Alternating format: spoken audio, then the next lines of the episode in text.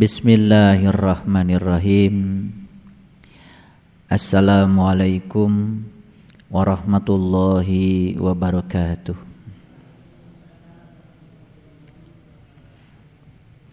Alhamdulillahillazi binuri jamalihi adha'a qulubal arifin wa bihaibati jalalihi akhraqa fu'adal asyikin wa ammara syiral wasilin أشهد أن لا إله إلا الله وحده لا شريك له رب العالمين وأشهد أن محمدا عبده ورسوله أشرف الأنبياء والمرسلين سيدنا محمد وعلى آله وصحبه أجمعين. سبحانك لا علم لنا إلا ما علمتنا إنك أنت العليم الحكيم. Subhanakallahumma rabbana wa bihamdika. Ashhadu an la ilaha illa anta. Astaghfiruka wa atubu ilaih Astaghfirullahaladzim Astaghfirullahaladzim Astaghfirullahaladzim Allazi la ilaha illa huwal hayyul qayyum wa atubu ilaih Min jami'il ma'asi wa zunub. La haula wa la quwata illa billahil aliyyil azim. Di dalam Al-Qur'an Allah berulang-ulang menyatakan sedikit sekali hambaku yang bersyukur. Allah menggunakan kata-kata qalilam ma tashkurun. Sedikit sekali hamba-hambaku yang bersyukur. Sudah pakai kata kolil sedikit kemudian pakai kata sekali. Berarti yang bersyukur itu memang jumlahnya sangat-sangat sedikit. Tetapi sekalipun demikian mudah-mudahan kita semua termasuk hamba-hambanya yang selalu bersyukur. Oleh karenanya mari kita syukuri kenikmatan pertemuan kita saat ini dengan membaca hamdalah. Alhamdulillahirabbil alamin sebagai perwujudan rasa syukur kita dan mudah-mudahan kalimat alhamdulillah yang sering kita ucapkan bukan sekedar ucapan tetapi menjadi suatu perbuatan, menjadi suatu tindakan yang berwujud akhlak yang mulia. Mari kita sanjungkan salawat dan salam kepada junjungan kita Nabiullah yang agung, Nabi besar Muhammad Rasulullah sallallahu alaihi wasallam seraya bersalawat kepadanya. Allahumma salli ala Sayyidina Muhammad wa ala ali Sayyidina Muhammad. Mari kita awali majelis ilmu ini bersama-sama memohon ridho dan berkah Allah. Mudah-mudahan saat ini kita dianugerahi pencerahan yang berwujud ilmu yang bermanfaat yang dapat menghijrahkan kita dari kegelapan kepada cahaya yang terang benderang yang dapat menghijrahkan kita dari keraguan-raguan kepada keyakinan iman yang dapat menghijrahkan kita dari keadaan-keadaan yang tidak baik menjadi keadaan-keadaan yang lebih baik yang menghijrahkan kita dari penolakan-penolakan akan kehidupan menjadi keikhlasan untuk menerima segala apa yang terjadi dalam kehidupan. Mari kita awali dengan membaca basmalah. Bismillahirrahmanirrahim.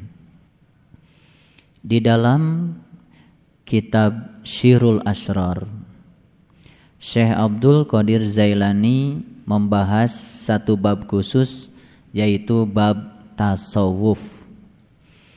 Yang kemudian orang Indonesia menyebutnya tasawuf. Padahal dibacanya yang benar itu adalah tasawuf. Ya. Jadi ada huruf ta di situ, kemudian ada huruf shod, dan kemudian ada wau, dan terakhir adalah huruf fa. Jadi ada empat hurufnya ta, shod, wau, dan fa. Itu pakai tasdid ya di atas wau. Maka dibacanya menjadi tasawuf ya. Nah, supaya gampang orang Indonesia membacanya jadi tasawuf. Hmm. Ternyata tasawuf yang dikupas oleh Imam Syekh Abdul Qadir Zailani dengan tasawuf yang kebanyakan ditulis oleh kebanyakan orang setelah saya perhatikan kok berbeda sekali. Tasawufnya Syekh Abdul Qadir Zailani itu sangat dalam dan itu merupakan suatu bimbingan menuju kepada alam ma'rifatullah. Itu sebabnya Syekh Abdul Qadir Zailani ya menyatakan taknya itu adalah taubah. Taknya itu adalah taubah atau sering kita sebut taubat yang berarti kembali. Jadi dari huruf tak saja Syekh Abdul Qadir Zailani sudah mengisyaratkan bahwa tasawuf yang ditulis di dalam kitab Syirul Asror itu menceritakan tentang tata cara untuk kembali. Kembali ke mana? Tentu saja kembali ke alam fitrahnya manusia kembali ke alam asalnya manusia atau kembali kepada Allah Subhanahu wa taala. Huruf yang kedua adalah shad. Dan huruf yang ketiga itu adalah waw. Dan huruf yang keempat itu adalah fa. Menurut Imam Al-Ghazali ya, shad itu artinya sofa. Sofa. Sofa itu sering diartikan damai.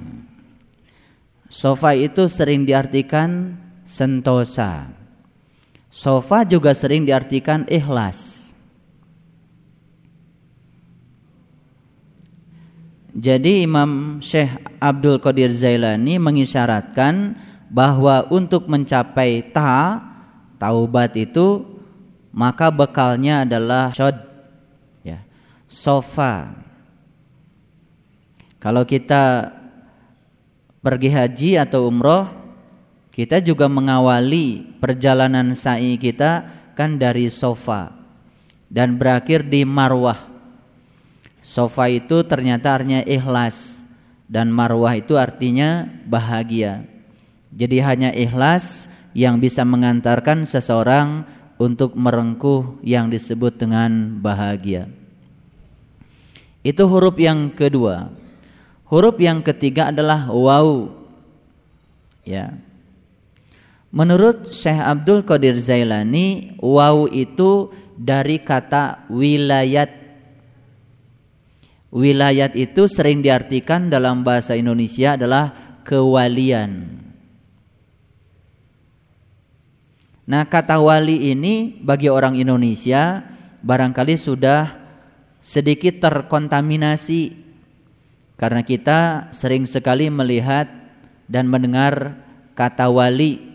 Ada juga film Wali Songo yang di dalamnya itu hanya cerita persilatan, perguruan silat yang satu dengan yang lain itu hanya saling melukai. Padahal sebetulnya ya Kewalian itu tidak ditampakkan sembarangan pada orang-orang tertentu saja. Di dalam hadis kudsi dikatakan para waliku ada di bawah naunganku dan tidak ada yang mengenal seorang wali tanpa seizinku.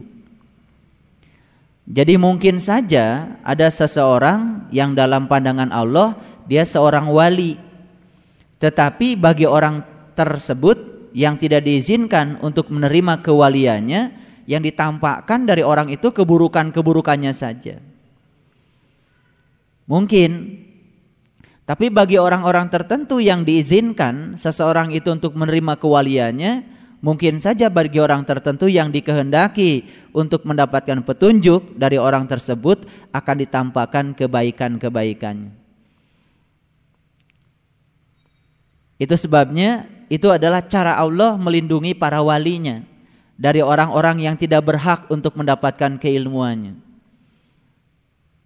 Jadi cocok dengan Quran yang menyatakan mayahdillahu fala mudillala wa mayudlil falan tajidalahu waliya mursyidan.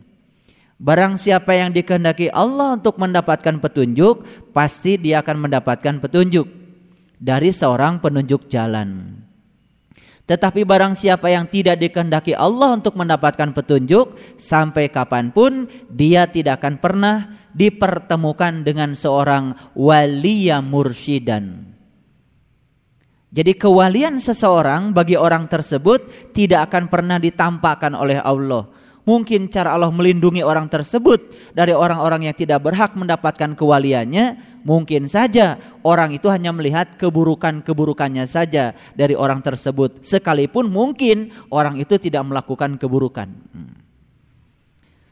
Dalam pengalaman hidup kita pun seperti itu. Ada orang yang mempersepsi seseorang itu buruk saja. Apa pun yang dilakukan orang itu dalam pandangan dia buruk saja. Sehebat apa pun yang dilakukan dia dalam pandangan orang yang tidak mendapatkan petunjuk, buruk saja. Jadi yang dilihat, yang dipersepsi, yang ada di kepalanya itu adalah buruk saja. Apa pun yang dilakukan orang itu. Itulah cara Allah menyembunyikan kewalian seseorang. Itulah cara Allah menyembunyikan kewilayatannya bagi orang-orang tersebut yang tidak berhak mendapatkan kewalian. Makanya bersyukurlah kalau kita bisa melihat dari orang itu kebaikan-kebaikannya saja. Tetapi sekalipun kita diper, diperlihatkan melihat keburukan-keburukan dari orang itu, kita tidak akan larut kepada hal yang semacam itu.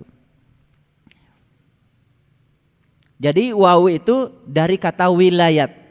Jadi wilayat itu artinya adalah kewalian. Jadi huruf yang pertama adalah ta, taubat. Untuk mencapai tingkat taubat yang sempurna, untuk kembali kepada Allah dengan sempurna, maka bekalnya itu yang pertama adalah syad. Ya. Apa tadi syad? Sofa ikhlas, damai, sentosa. Bekal yang kedua adalah wau, yaitu wilayat. Harus mencapai sesuatu yang disebut dengan kewalian. Nah inilah yang oleh Allah ditegaskan dalam Quran surat Yunus ayat 62. Inna awliya Allah la haufun alaihim walahum yahzanun. Sesungguhnya wali-wali Allah itu adalah mereka-mereka yang sudah terbebas dari rasa takut dan rasa khawatir. Itulah wali Allah. Jadi wali Allah tidak ditampakkan dalam pakaiannya. Wali Allah tidak ditampakkan dalam bentuk dan rupanya. Tapi wali Allah itu ditunjukkan di dalam akhlaknya. Di mana dia sudah terbebas dari rasa takut dan rasa khawatir baru akan mencapai huruf yang keempat yang disebut dengan fa. Ternyata kata Syekh Abdul Qadir Zailani, fa itu artinya adalah fana. Fana. Ya. Apa artinya fana? Di dalam Al-Qur'an Allah menyatakan kullu syai'in halikun illa wajhahu. Fana itu artinya ketika seseorang sudah mampu memalingkan diri dari segala sesuatu selain daripada Allah dan kemudian dia sampai kepada wajahnya Allah. Kullu syai'in halikun illa wajhahu. Segala sesuatu menjadi fana, hilang musnah. Yang nampak cuma wajahnya. Jadi kalau orang yang sudah mencapai tingkat fana, ya, seburuk apa pun yang dia lihat dari peristiwa, dia selalu mampu melihat di belakangnya adalah wajahnya Allah. Walillahil masyriqi wal maghrib fa aina tuwallu fasama wajhullah. Allah meliputi timur dan barat dan ke mana pun dia memalingkan wajahnya yang dia lihat ya cuma Allah. Itu yang sudah mencapai tingkat fana. Jadi berdasarkan empat huruf yang membangun kata tasawuf yang dibahas dalam satu bab khusus di dalam kitab Syirul Asrar, ternyata kita bisa mendapatkan suatu kesimpulan Syekh Abdul Qadir Zailani hendak mengajarkan kepada kita bahwa untuk mencapai taubat itu bekalnya adalah syad, waw, dan fa. Ya, jadi ketiga huruf yang berikutnya itulah yang harus kita capai. Dengan sendirinya kita akan mencapai yang disebut dengan taubat.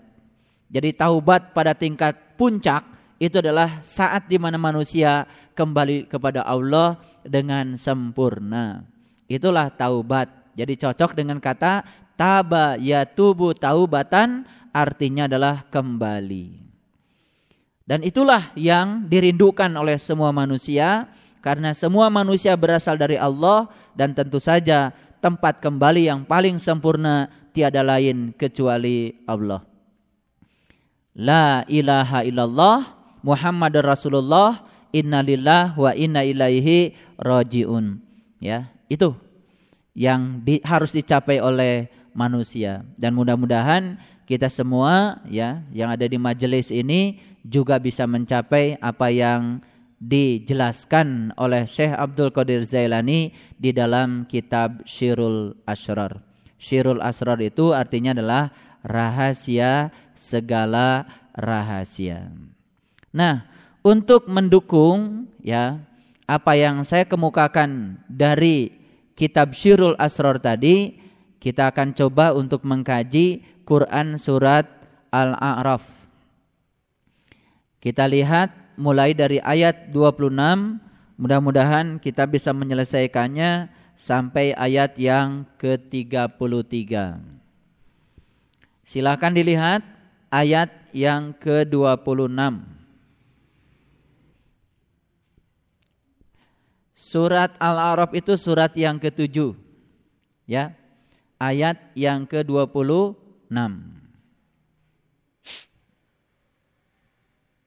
Sudah? Baik, kita akan mulai.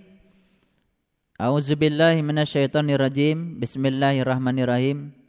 Mudah-mudahan kita mendapatkan hikmah dari bacaan ayat ini. Ya Bani Adam. Hai anak Adam. Qad anzalna alaikum. Sesungguhnya kami telah menurunkan kepadamu. Kum. Di sini Mu-nya itu adalah jamak. Kum di sini artinya Allah tidak membeda-bedakan manusia satu dengan yang lainnya. Kum di sini artinya setiap manusia diberi potensi yang sama. Kum artinya di sini setiap manusia diberi jalan yang sama. Kum di sini artinya setiap manusia akan diberi kebahagiaan yang sama. Kum di sini artinya kasih sayang Allah tidak dibeda-bedakan pada satu manusia dengan manusia yang lain. Ini menjadi suatu motivasi bagi kita karena selama ini barangkali kita sering mendengar ada penjelasan-penjelasan yang seakan-akan Allah Subhanahu wa taala itu hanya menyayangi para nabi, para rasul, para sunan, para wali dan tidak menyayangi yang selain itu. Itu kesalahan besar. Allah menyayangi semua manusia, Allah menyayangi semua anak Adam, diberi, diberi potensi yang sama, diberi peluang yang sama, diberi kesempatan yang sama untuk mencapai kebahagiaan yang sama. Yang membedakan satu dengan yang lainnya itu adalah tekadnya, keinginannya, keteguhan mentalnya, itu yang membedakan satu dengan yang lainnya. Sekali lagi saya akan bacakan ya bani Adam qad anzalna alaikum. Hai bani Adam sesungguhnya kami telah menurunkan kepadamu. Apa itu? Libasa. Suatu pakaian. Yuwari sauatikum warisha. Ya. Suatu pakaian untuk menutupi auratmu. Ya yaitu pakaian yang indah untuk perhiasan. Dan di ayat berikutnya Allah mengatakan walibasu takwa zalika khairun. Ya, dan pakaian takwa itulah pakaian yang sebaik-baiknya. Saya mau berbicara sedikit tentang analogi dari ayat ini supaya lebih mudah memahaminya. Kita berbicara secara syariat saja. Manusia ketika telanjang tidak berpakaian, maka derajat manusia biasanya menjadi rendah. Ya kan? Makanya manusia yang sering membuka aurat secara jasmania menampakkan sesuatu yang tidak laik untuk dilihat oleh orang lain biasanya menjadi kurang terhormat itu baru dalam pandangan manusia yang lain. Tapi saya tidak sedang cerita itu sekarang. Saya sedang cerita aurat yang lebih dahsyat. Saya sedang cerita pakaian yang lebih mulia yang harus kita miliki. Baik, secara syariat ketika orang itu tidak diselimuti oleh pakaian, auratnya nampak, maka biasanya orang menjadi merendahkan orang itu. Setuju sampai sini? Baik. Itu baru pakaian yang bersifat lahir. Auratnya pun baru aurat yang bersifat lahir. Sekarang kita berbicara pakaian yang bersifat batin. Auratnya pun pasti aurat yang bersifat batin. Allah mengatakan, "Hai anak Adam, sesungguhnya kami telah menurunkan kepadamu pakaian untuk menutupi auratmu, pakaian yang indah untuk perhiasan." Apa yang sesungguhnya yang Allah maksud di ayat ini? Dan Allah menegaskan di penghujung ayat ini dengan menyatakan ya wali walibasu takwa zalika khairun dan jika engkau tahu pakaian yang tak pakaian takwa itulah pakaian yang paling baik. Makanya kita juga kenal. Biasanya kalau orang mau pergi ke masjid pakai baju takwa. Jadi kalau sekarang ini kata takwa ini sudah sangat dipahami oleh orang Islam, yaitu potongan baju, ya kan? Lengan panjang atau lengan pendek, kerahnya kerah ciangi, gitu kan? Hmm. Gitu. Itu yang disebut dengan pakaian takwa. Saya tidak tahu kenapa pakaian takwa itu kok jadi yang seperti itu. Padahal kata takwa sendiri di Quran itu sangat spesifik. Ya. Pakaian takwa itu sangat spesifik. Ya. Dan kata-kata takwa juga sangat spesifik di Quran. Jadi saya sudah berulang-ulang menjelaskan bahwa takwa di Quran itu merupakan suatu metode. Metode untuk apa? Metode untuk mencapai Allah. Yang dimulai dengan berjanji. Diangkat gunungnya. Ditunjukkan sesuatu di gunungnya. Mengingat sesuatu yang ditunjukkan Allah di gunungnya. Dalam keadaan berdiri, duduk dan berbaring Itulah metode yang mengantarkan manusia untuk menjadi orang yang bertakwa. Jadi kalau begitu, pakaian takwa itu apa? Pakaian takwa itu adalah pakaian yang sangat tinggi nilainya di hadapan Allah dan di hadapan manusia-manusia yang mengerti pengertian takwa itu yang akan mengantarkan manusia untuk kembali kepada Allah. Itu. Masih belum jelas kan? Hmm. Sengaja. Hmm. Supaya lebih jelas kita lihat dulu ayat yang ke yang ke-27. Di sini Allah mengatakan, "Hai anak Adam, janganlah sekali-kali kamu dapat ditipu oleh syaitan." Sebagaimana ia telah mengeluarkan kedua ibu bapakmu dari surga ia menanggalkan dari keduanya pakaiannya untuk memperlihatkan kepada keduanya auratnya. Hah, tambah pusing. Hmm. Ya kan? Biar pusing aja dulu. Memang belajar itu harus pusing dulu. Biar mikir. Hmm. Proses. Ketika seseorang itu memasuki proses pusing, bingung, nah itu tandanya otaknya sedang bekerja. Jadi ciri orang yang bingung ketika mendapatkan sesuatu masalah itu otaknya sedang bekerja. Yang tidak bekerja itu biasanya dapat masalah bingung juga enggak, belum-belum ngerti. Jadi itu artinya otaknya sedang bekerja. Menurut teori pendidikan, ketika otak bekerja, kecerdasan intelektual seseorang itu akan naik. Jadi walaupun murid itu belum bisa menjawab masalah yang disampaikan oleh guru, tapi kalau otaknya sudah bekerja menghadapi masalah, itu kecerdasan intelektualnya sudah naik itu.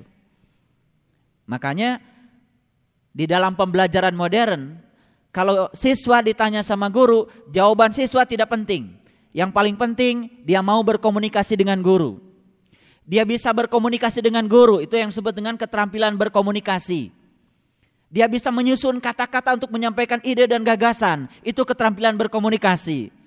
Nah itu yang disebut dengan kurikulum berbasis kompetensi. Bukan berbasis ketuntasan materi. Makanya materi menjadi tidak penting sekarang. Yang penting mahasiswa, siswa itu menjadi pinter. Nah bukan pinter menghafal formula-formula. Bukan menghafal hari ulang tahun para sejarawan atau para tokoh-tokoh pahlawan nasional, bukan itu. Tetapi dia bisa menyelesaikan masalah hidupnya ketika dilatih untuk menyelesaikan masalah di dalam kelas. Itu yang disebut dengan hasil belajar. Ini ngomong sedikit ya, supaya ada wawasan. Nah, saya mau narik dulu hal yang sederhana. Mungkin ini sudah menjadi cerita biasa.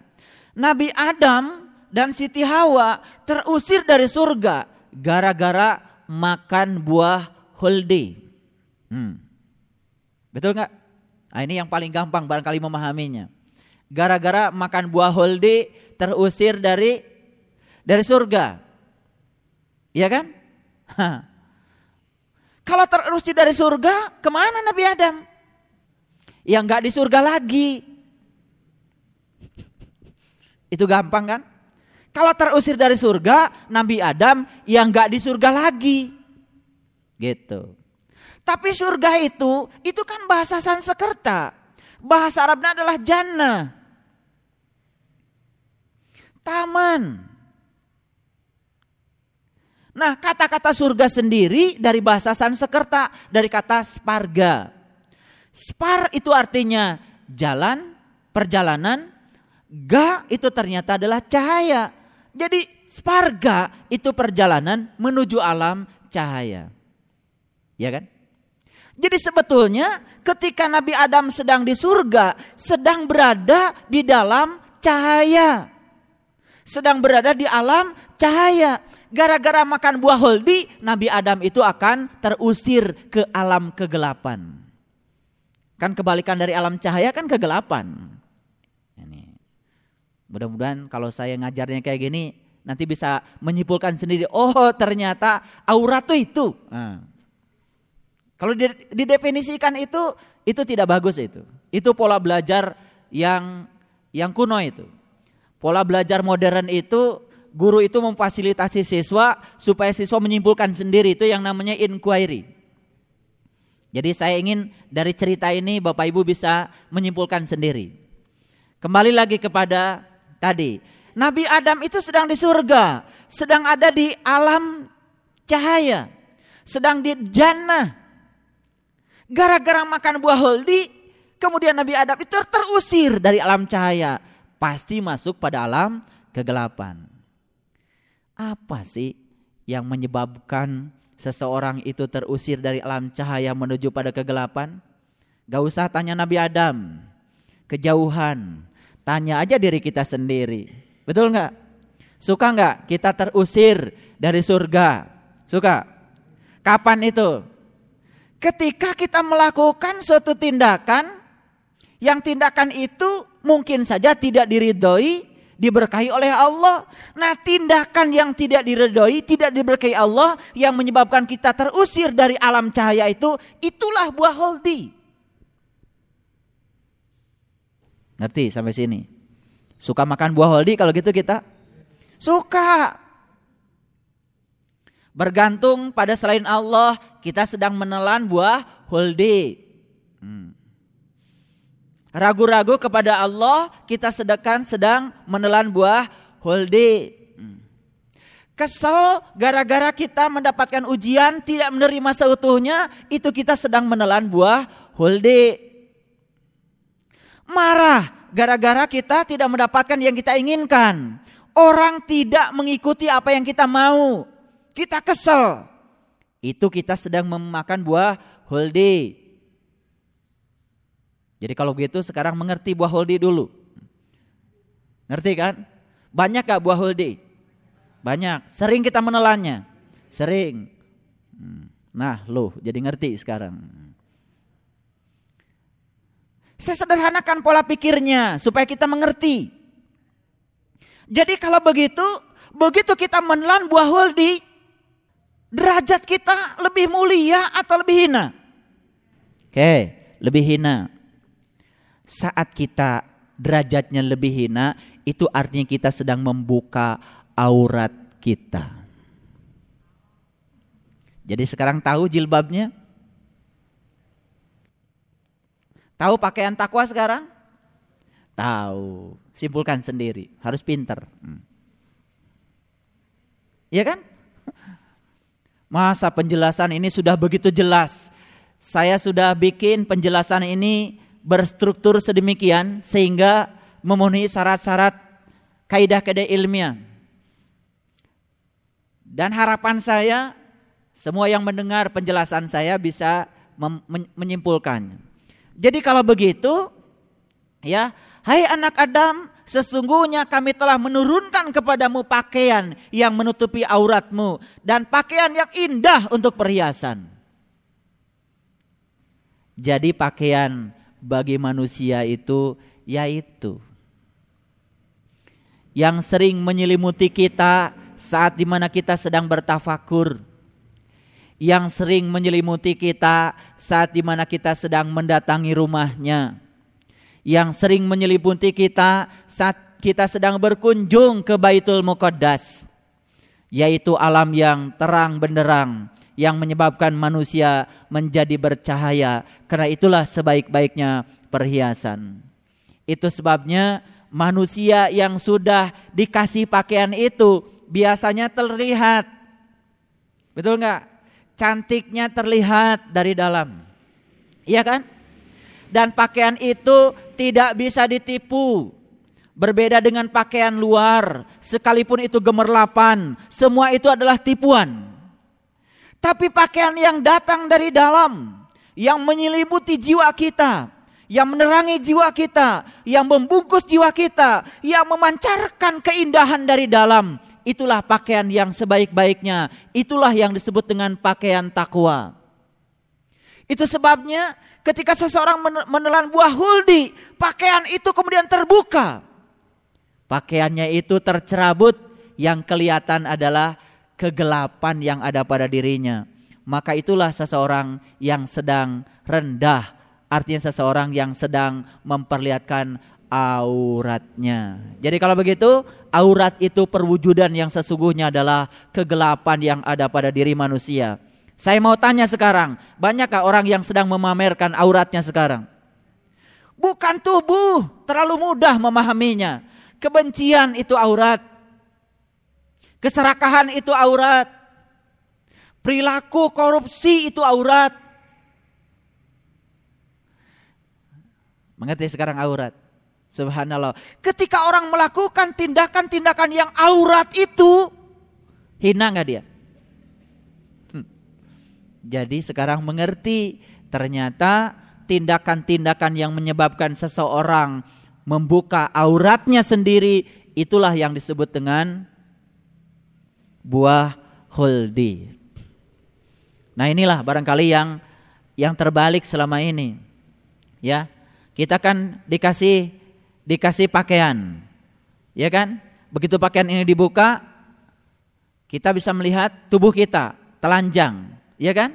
Ketika tubuh kita telanjang, kita sebut sedang terbuka auratnya. Ketika sedang terbuka auratnya, hina kan?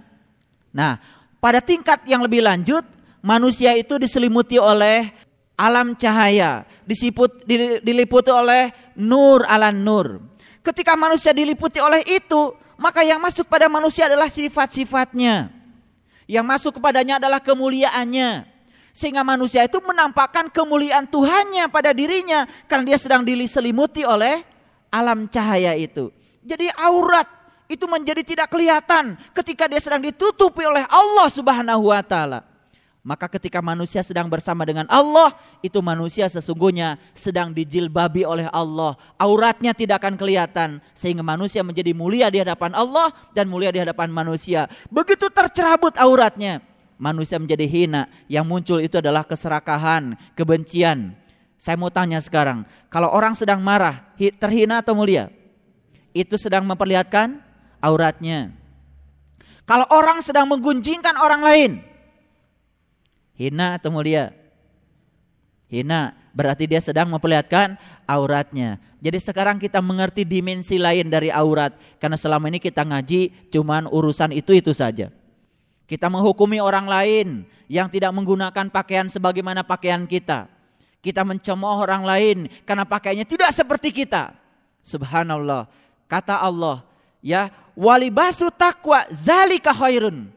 Pakaian takwa itulah pakaian yang sebaik-baiknya. Kalau pakaian takwa itu ada hubungannya dengan takwa, takwa kita sudah mengerti, berarti pakaian takwa juga kita mengerti. Begitu kita takwa, maka kita akan mendapatkan pakaian takwa. Betul? Betul? Iya, masuk akal. Makanya orang yang bertakwa pakaiannya ya takwa. Pakaian takwa itu adalah nur ala nur yang senantiasa menerangi jiwanya. Jiwanya selalu dijilbabi oleh nur ala nur. Bayangkan kalau semua manusia jiwanya sudah di dipakaiani oleh pakaian yang semacam itu. Subhanallah. Nah, pakaian itu akan menjadi tersingkir dari diri manusia saat di mana manusia menelan buah holdi. Ngerti sekarang? Ya, ini revolusi pemikiran. Karena tadi juga ketika saya membacakan ayat ini masih agak lambat kita memahaminya. Betul nggak? Setelah saya menggunakan analogi, oh itu ternyata yang dimaksud. Mudah-mudahan kita masih berpakaian sampai hari ini. Ya, hmm. kenapa demikian? Saya mau tunjukkan sebelum kita selesaikan ayat 26, 27, ya. Lihat ayat 31 dulu. Ya Bani Adam. Ini diseru lagi nih. Hai anak Adam. Khudu jinatakum inda kulli masjidin. Pakailah pakaianmu yang indah di setiap memasuki masjid. Ya kan? Khudu zinatakum inda kulli masjid. Tahu masjid? Baitullah. Rumahnya Allah. Ini cocok dengan ayat yang pernah kita bahas sebelumnya. Manja'a bil hasanati falahu asrun. Barang siapa yang datang dalam keadaan sentosa, baik, damai, bagi dia sepuluh. Ya kan? Manja'a bisayiati. Barang siapa datang dalam keadaan riwuh, Ewu pakai wu, auratnya telanjang. Maka Allah katakan dia hanya akan melihat keburukannya sendiri. Jadi ketika dia memasuki masjid dalam keadaan baik-baik, dia mendapatkan sepuluh. La ilaha illallah. Itulah pakaian yang sebenarnya. Kalau diterjemahkan ke dalam bahasa hidup, pakaiannya takwa itu perwujudannya adalah la ilaha illallah. Tapi la ilaha illallah bukan di mulut. La ilaha illallah yang sudah bisa membuat kita terhormat di hadapan Allah. La ilaha illallah yang sudah menjadi akhlak, itulah sebaik-baiknya pakaian. Itulah yang disebut dengan pakaian takwa. La ilallah sudah mewujud di dalam kehidupan. La ilaha illallah sudah mewujud menjadi akhlak. Itulah yang disebut dengan pakaian takwa. Jadi Allah menyatakan di sini, ya bani Adam, hudu zinatakum inda kulli masjid. Hai anak Adam, pakailah pakaianmu yang indah di setiap kamu mau memasuki masjid. Jadi kalau mau masuk masjid harus pakai pakaian yang indah. Ini ayat sudah diterapkan oleh umat Islam. Makanya setiap yang mau masuk masjid pakaiannya bagus-bagus. Itu juga bagus. Ya. Masa mau ke pesta aja pakaiannya bagus, masuk ke masjid nggak bagus. Ya mau masjid-masjid yang syariat pun harus bagus. Dan ini bukan cerita masjid yang syariat saja, tapi cerita masjid yang hakikat. Jadi kalau mau masuk masjid harus membawa kebaikan. Ya kan? Mau masuk masjid jangan menelan buah holdi. Ya kan? Subhanallah. Maka makan dan minumlah di mana? Di masjid. Boleh makan dan minum di masjid. Masjid yang mana? Iya masjid yang hakikat. Kalau kita datangnya dengan menggunakan pakaian takwa, masuk masjid yang hakikat, di masjid itulah sang jiwa akan mendapatkan santapan jiwa. Di situlah dia bisa makan, dia bisa minum. Sehingga jiwa itu mendapatkan makanan yang sesungguhnya. Makanan yang bernutrisi tinggi untuk jiwa tetapi jangan berlebih-lebihan. Karena Allah tidak menyukai orang-orang yang suka berlebihan. Di sini Allah menyatakan innahu la yuhibbul musyrifin. Jadi musyrif ya, itu namanya musyrifin, itu orang-orang yang berlebihan. Makanya jangan macam-macam itu kasih nama anak Nama anaknya Muhammad Musrifin. Hmm. Asal Arab aja. Ada itu, ya. Saya membaca ada orang tua memberi nama itu, nggak tanya dulu kiai.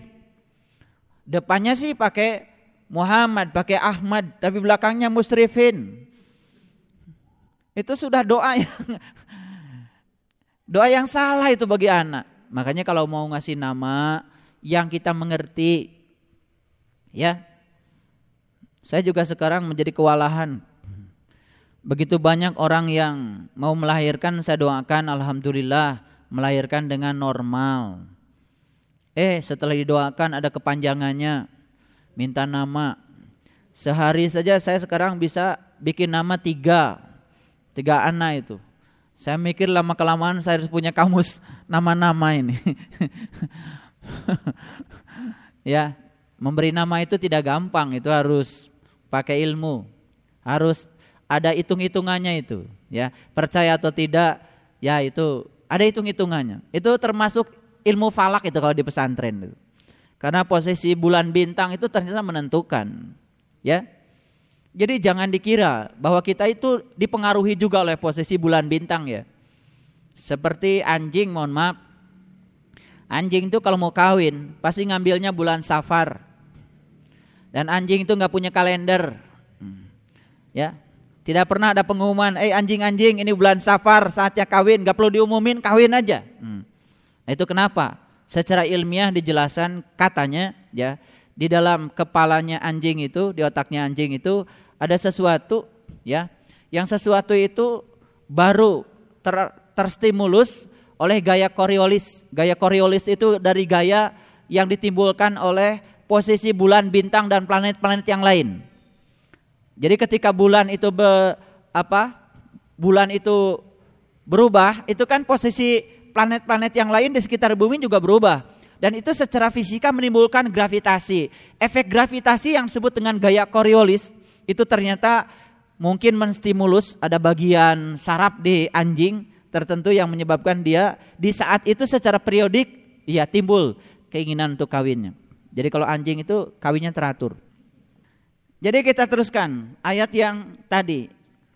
Sekarang kita mengerti bahwa sesungguhnya di dalam Quran surat Al-A'raf ayat 26 Allah mengatakan, "Hai anak Adam, sesungguhnya kami telah menurunkan kepadamu pakaian untuk menutupi auratmu dan pakaian indah untuk perhiasan." Betul indah?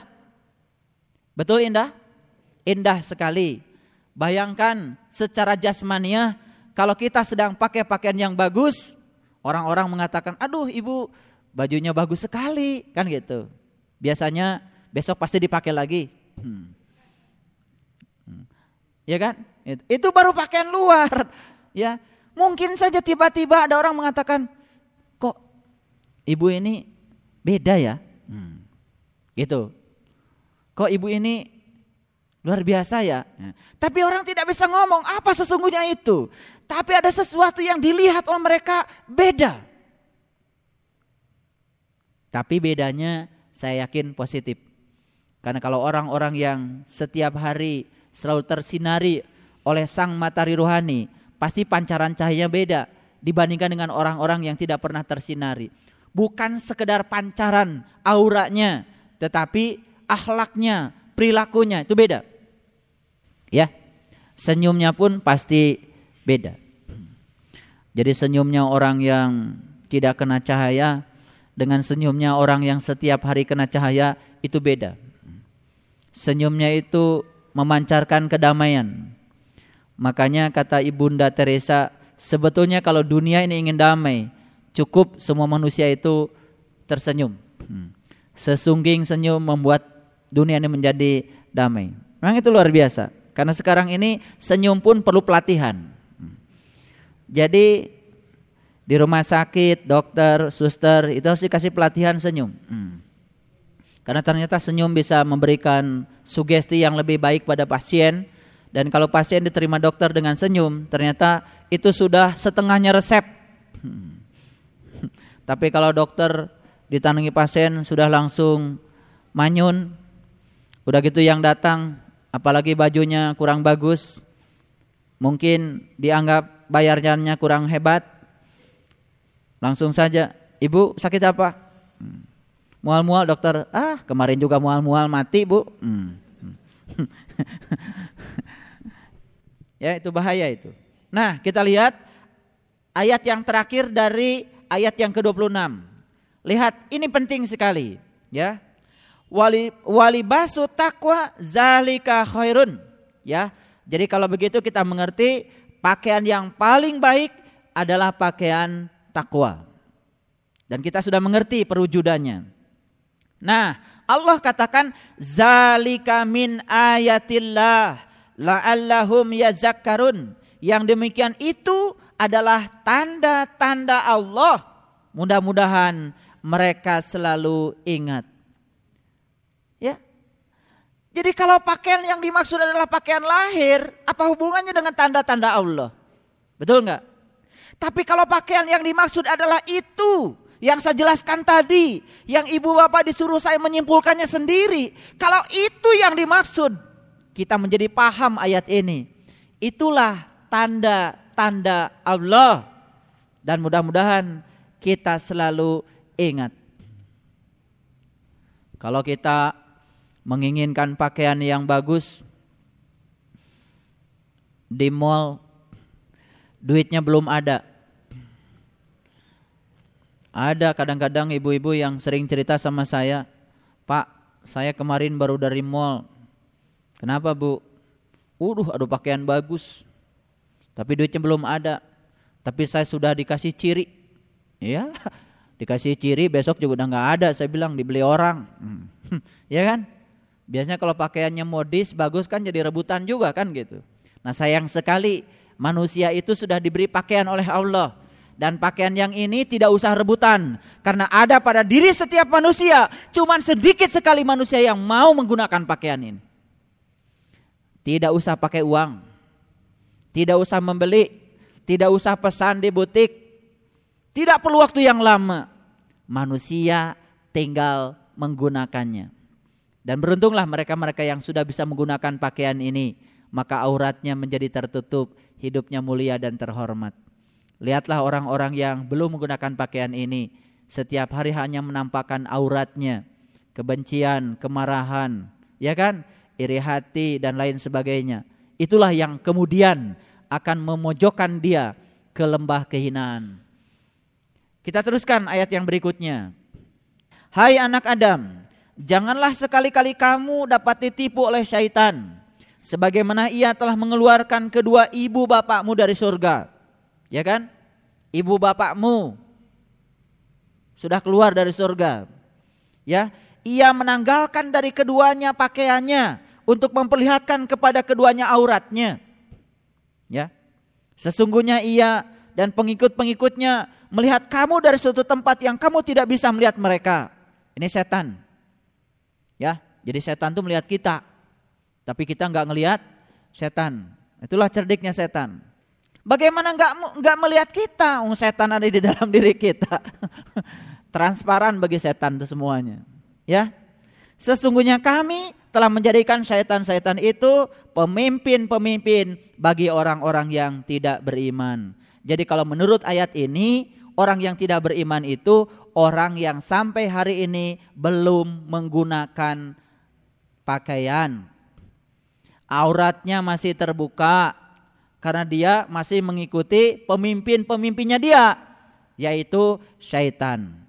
Saya ingin menegaskan, jangan sekali-kali kita menjadi orang yang picik sudut pandangnya sehingga mudah sekali merendahkan orang lain cuman karena tidak menggunakan baju takwa secara syariat. Cuman karena tidak menggunakan, mohon maaf, pakaian muslim secara syariat. Ya. Biarkan saja itu pilihan sendiri-sendiri. Tapi saya ingin menegaskan ada satu pakaian yang Allah berikan pada setiap manusia dan pakaian itulah yang membuat manusia menjadi terhormat dan tidak akan terlihat auratnya dan tidak akan direndahkan Allah juga tidak akan direndahkan oleh siapa pun. Kita sudah melihat dalam sejarah, mohon maaf, saya barangkali saya tidak tahu ya Rabi'ah itu berpakaian seperti apa. Saya tidak tahu orang-orang suci perempuan di masa lalu berpakaian seperti apa. Tapi mereka-mereka yang harum namanya sampai kini. Mungkin ya Ibu Ibu Kartini misalkan kita ambil contoh. Ya, mohon maaf. Barangkali kita sering melihat fotonya Ibu Kartini. Apakah Ibu Kartini pakai jilbab secara syariat? Tidak ya. Tapi namanya harum. Sampai kini dan keharuman namanya itu menjadi surga bagi beliau, menjadi pakaian yang indah bagi beliau. Beliau memancarkan perhiasan ke segenap penjuru. Dan kita sering menyanyikannya setiap tanggal 21 bulan 4, luar biasa. 21 itu dua dan satu. Empat itu angka kesempurnaan agama kita. Luar biasa. Itulah yang sering diperingati sebagai hari ibu kita Kartini. Jadi seorang Kartini adalah seorang yang telah mewujudkan akhlak yang mulia pada dirinya. Yang sudah menggunakan pakaian perhiasan yang Allah berikan pada dirinya. Maka namanya harum. Terjilbabi oleh akhlaknya yang mulia. Yang sepanjang masa dikenang oleh manusia. Menjadi orang yang mulia dan tidak terhina di hadapan manusia di hadapan Allah. Kenapa? Karena menggunakan pakaian dan perhiasan yang Allah berikan kepada dia. Mohon maaf, saya malah sering menangkap di kampus saya. Mahasiswa saya usir keluar karena sering nyontek dan menyimpan contekannya. Mohon maaf, sekali lagi mohon maaf. Itu di di lehernya. Ya, dan ditutupi oleh mohon maaf sekali lagi ditutupi oleh pakaiannya. Dia berpakaian muslim nyontek. Itu karena tidak menggunakan pakaian yang indah tadi tidak menggunakan pakaian yang indah yang Allah berikan pada dia. Dia tidak menggunakan pakaian takwa yang sesungguhnya. Subhanallah. Saya tidak memojokkan itu, saya juga tentu saja senang kalau umat Islam berpakaian rapi. Saya juga senang kalau umat Islam berpakaian yang baik, yang bagus ya, secara lahir tetapi jauh lebih bagus lagi kalau kita mempakaiani diri kita lahir dan batin dengan pakaian lahir juga dengan pakaian yang batin. Teruskan. Ya. Sesungguhnya ia dan pengikut-pengikutnya melihat kamu dari suatu tempat yang kamu tidak bisa melihatnya. Ya, sesungguhnya kami telah menjadikan setan-setan itu pemimpin bagi orang-orang yang tidak beriman. Makanya ya Di sinilah kita mendapatkan suatu kejelasan tentang siapa pemimpinnya siapa. Dan di sini Allah menyatakan pemimpinnya orang yang tidak beriman itu adalah setan. Karena setan itulah yang sering mengirim buah holdi. Ya. Ke mana mengirimnya? Tidak usah jauh-jauh cukup membisikannya dari jarak yang sangat dekat. Secepat kilat setan itu bisa mengirim buah holdi ke dalam diri kita, ke dalam pikiran kita, ke dalam hati kita dan kita menelannya mentah-mentah buah holdi itu. Kemudian kita terusir dari surga, terusir dari alam yang terang benderang masuk pada alam kegelapan. Betul? Subhanallah. Kita lihat ayat yang berikutnya. Dan apabila mereka melakukan perbuatan keji, mereka berkata, siapa mereka ini? Itu tadi yang dipimpin oleh setan. Yang dipimpin oleh setan pasti yang dia lakukan perbuatan-perbuatan keji. Karena apa? Karena dia tidak menggunakan pakaian yang indah yang Allah berikan kepada dia. Kami mendapati nenek moyang kami mengerjakan yang demikian itu. Yang jadi standarnya itu adalah nenek moyang kami. Ya kan? Sekalipun mungkin nenek moyangnya juga tidak tahu.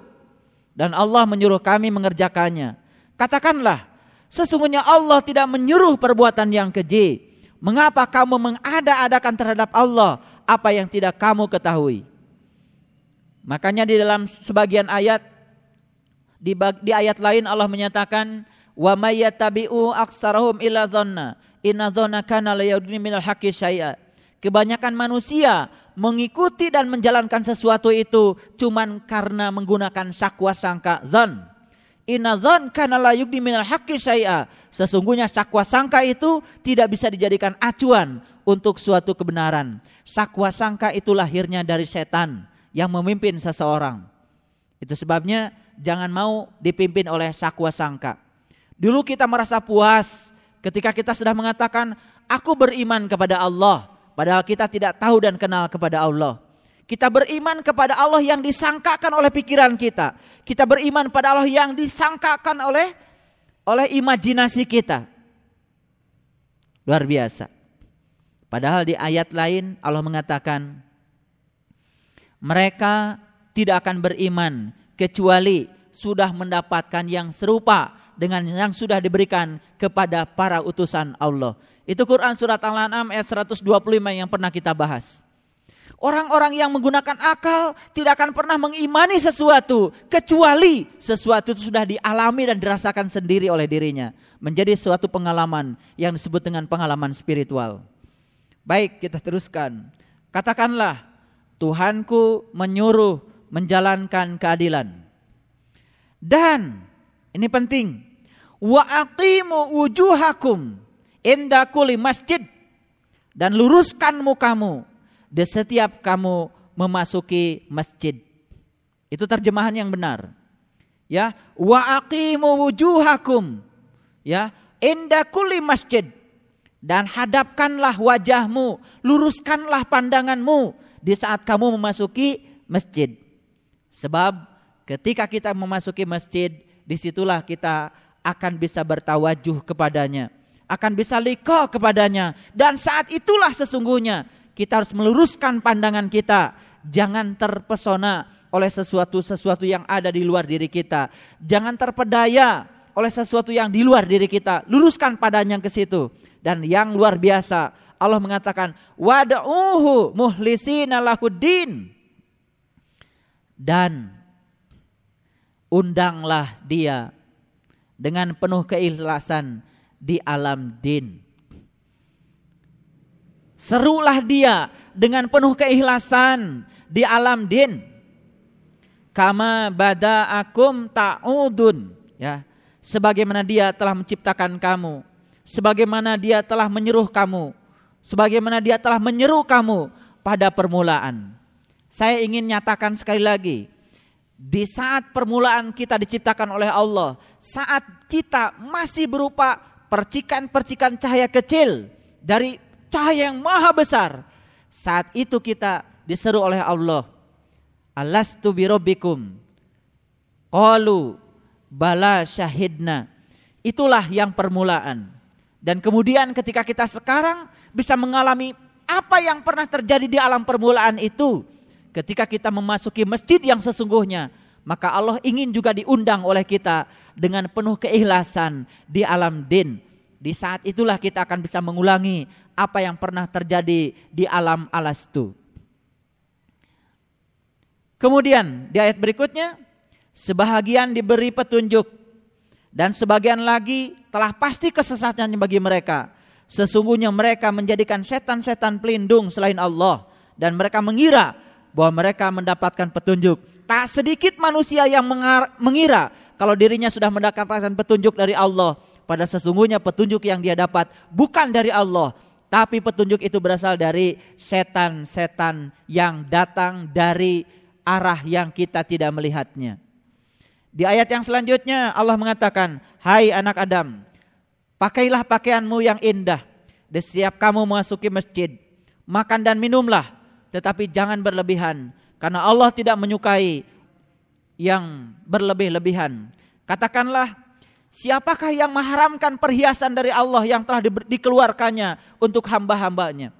Siapa kata Allah yang mengharamkan menggunakan perhiasan yang Allah sudah berikan kepada hamba-hambanya? Ini ayat menyatakan bahwa kita diperbolehkan menggunakan pakaian yang indah, yang berkilauan, penuh dengan perhiasan. Karena itu pakaian telah dihalalkan oleh Allah untuk mereka-mereka yang berhak untuk menggunakan pakaian itu. Pakaian yang mana? Pakaian takwa. Selanjutnya, dan siapa pulakah yang mengharamkan rezeki yang baik? Katakanlah, semua itu disediakan bagi orang-orang yang beriman dalam kehidupan dunia, khusus di hari berbangkit. Makin jelas? Ternyata pakaian itu disediakan orang beriman. Kapan? Di hari berbangkit. Subhanallah. Demikianlah kami menjelaskan tanda-tanda itu bagi orang-orang yang mengetahui. Katakanlah, Tuhanku hanya mengharamkan mengharamkan perbuatan yang keji, baik yang nampak ataupun yang tersembunyi, dan perbuatan dosa, melanggar hak manusia tanpa alasan yang benar. Mengharamkan, mempersekutukan Allah dengan sesuatu yang Allah tidak menurunkan hujah untuk itu dan mengharamkan mengada-adakan terhadap apa yang kamu tidak ketahui. Jadi kalau orang yang suka mengada-adakan sesuatu yang dia tidak tahu, itulah orang-orang yang munafik, itulah orang-orang yang berdusta. Itu sebabnya berkatalah apa yang kita alami dan kita rasakan. Berkatalah apa yang kita saksikan. Jangan sekali-kali berkata sesuatu yang kita tidak mengalami dan tidak menyaksikannya. Karena Allah menyatakan ya di dalam Al-Qur'an, "Hai orang-orang yang beriman, janganlah engkau mengatakan sesuatu kepada orang lain yang kamu tidak mengalami dan merasakannya." Maka Allah sangat marah ketika kamu melakukan tindakan yang semacam itu dari ayat 26 sampai ayat 33 satu episode kita mendapatkan suatu gambaran yang jelas bahwa kita harus senantiasa menggunakan pakaian yang indah agar kehidupan kita menjadi mulia di hadapan manusia juga di hadapan Allah Subhanahu wa taala. Barakallahu liwalakum, sadaqallahul azim. Terima kasih atas segala perhatiannya.